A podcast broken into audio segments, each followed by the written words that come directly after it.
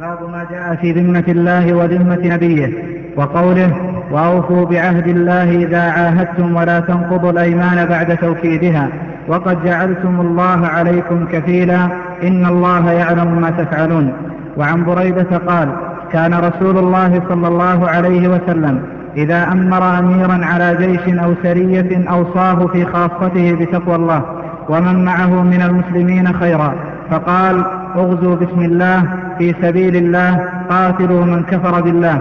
اغزوا ولا تغلوا ولا تغدروا ولا تمثلوا ولا تقتلوا وليدا. وإذا لقيت عدوك من المشركين فادعهم إلى ثلاث خصال أو خلال.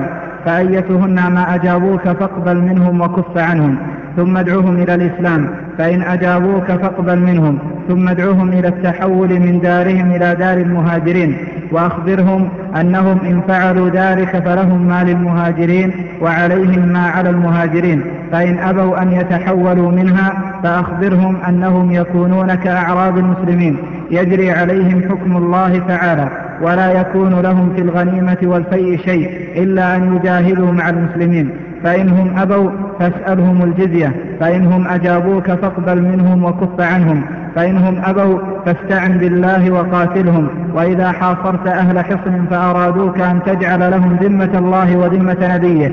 فلا تجعل لهم ذمة الله وذمة نبيه ولكن اجعل لهم ذمتك وذمة أصحابه. فإنكم إن تخسروا ذممكم وذمة أصحابكم أهون من أن تخسروا ذمة الله وذمة نبيه وإذا حاصرت أهل حصن فأرادوك أن تنزلهم على حكم الله فلا تنزلهم على حكم الله. ولكن ولكن أنزلهم على حكمك فإنك لا تدري تصيب فيهم حكم الله أم لا. رواه مسلم. هذا باب عظيم من الأبواب الأخيرة في هذا الكتاب وهو باب ما جاء في ذمة الله وذمة نبيه. صلى الله عليه وسلم.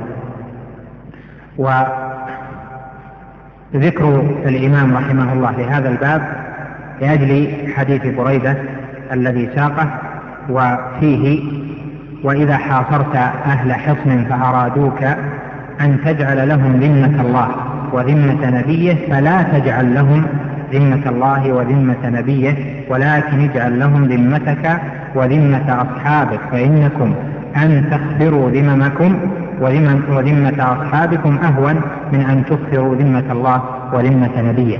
وهذا لأجل تعظيم الرب جل وعلا وتعظيم رسوله صلى الله عليه وسلم. فإن تعظيم الله جل وعلا في مناجاته وفي سؤاله وفي العبادة له جل وعلا وفي التعامل مع الناس هذا كله من كمال التوحيد.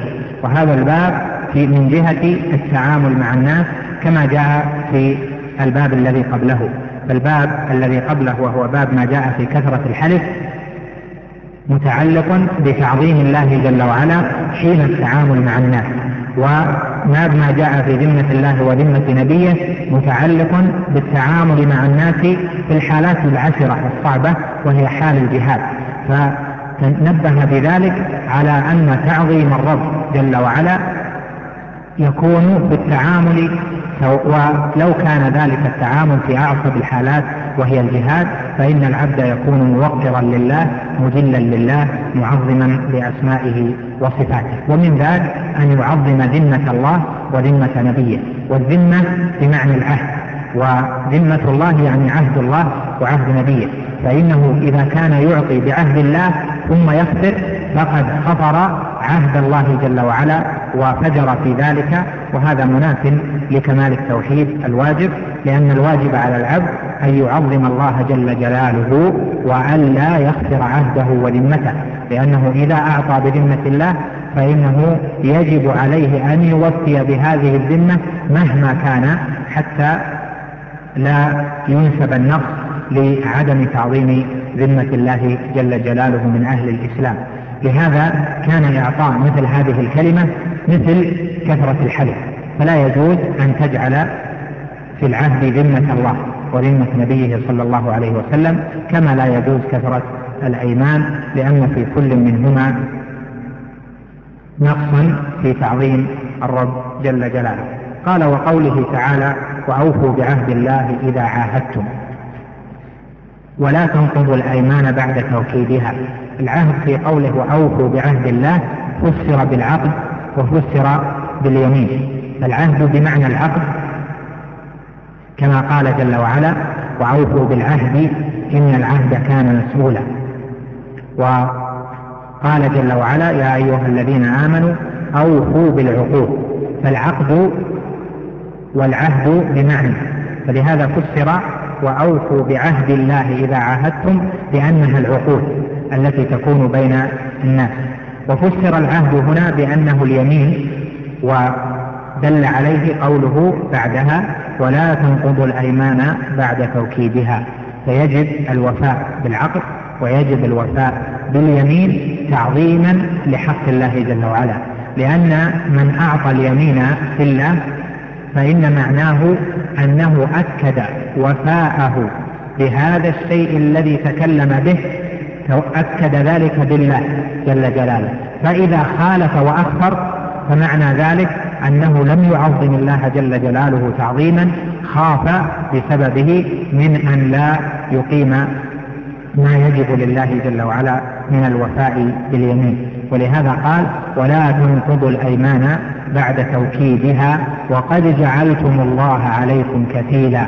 حين استشهدتم الله جل جلاله أو حين حلفتم بالله جل جلاله. لهذا كفارة اليمين واجبة على ما هو مفصل في موضعه من كتب الفقه.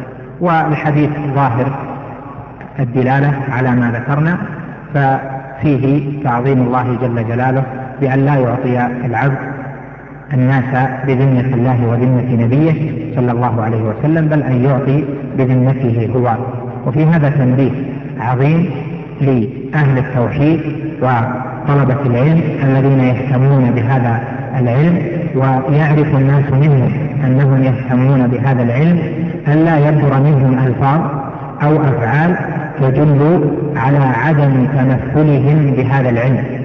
فإن التوحيد هو مقام الأنبياء والمرسلين ومقام أولياء الله الصالحين فأن يتعلم طالب العلم مسائل التوحيد ثم لا تظهر على لسانه أو على جوارحه أو على تعامله لا شك أن هذا يرجع ولو لم يشعر يرجع إلى اتهام ذلك الذي حمله من التوحيد أو من العلم الذي هو علم الأنبياء والمرسلين عليهم الصلاة والسلام. فتذكر قول النبي صلى الله عليه وسلم هنا وإذا حاصرت أهل حصن فأرادوك أن تجعل لهم ذمة الله وذمة نبيه فلا تجعل لهم ذمة الله وذمة نبيه لأجل أنه قد يدخل على أهل الإسلام أو على الدين في نفسه من جهة فعله فيكثرون هذه الذمة فيرجع إخطار ذلك إلى اتهام ما حملوه من الإسلام ومن الدين. فهذه مسألة عظيمة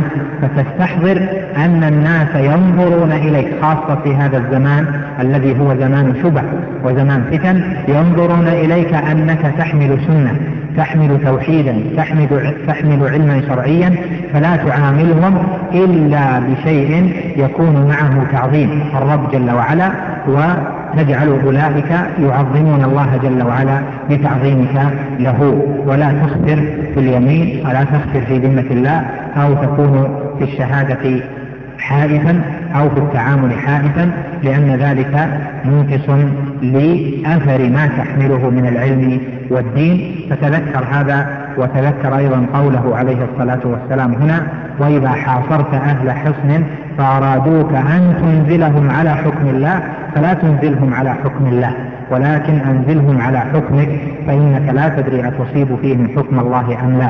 وذلك حتى إذا كان غلط فيكون الغلط منسوبا إلى من حكم إلى هذا البشر. ولا يكون منسوبا إلى حكم الله فيصد الناس عن دين الله. وكم من الناس ممن يحملون سنة أو علما أو يحملون أو يحملون استقامة يسيئون بأفعالهم وأقوالهم لأجل عدم تعلمهم أو فهمهم ما يجب لله جل وعلا وما يجب لسنة النبي صلى الله عليه وسلم وما يدعوهم إليه الرب الكريم جل وعلا. وتعالى وتقدس نبرأ إلى الله جل وعلا من كل نقص ونسأله أن يعفو ويتجاوز ويرحمنا جميعا. نعم.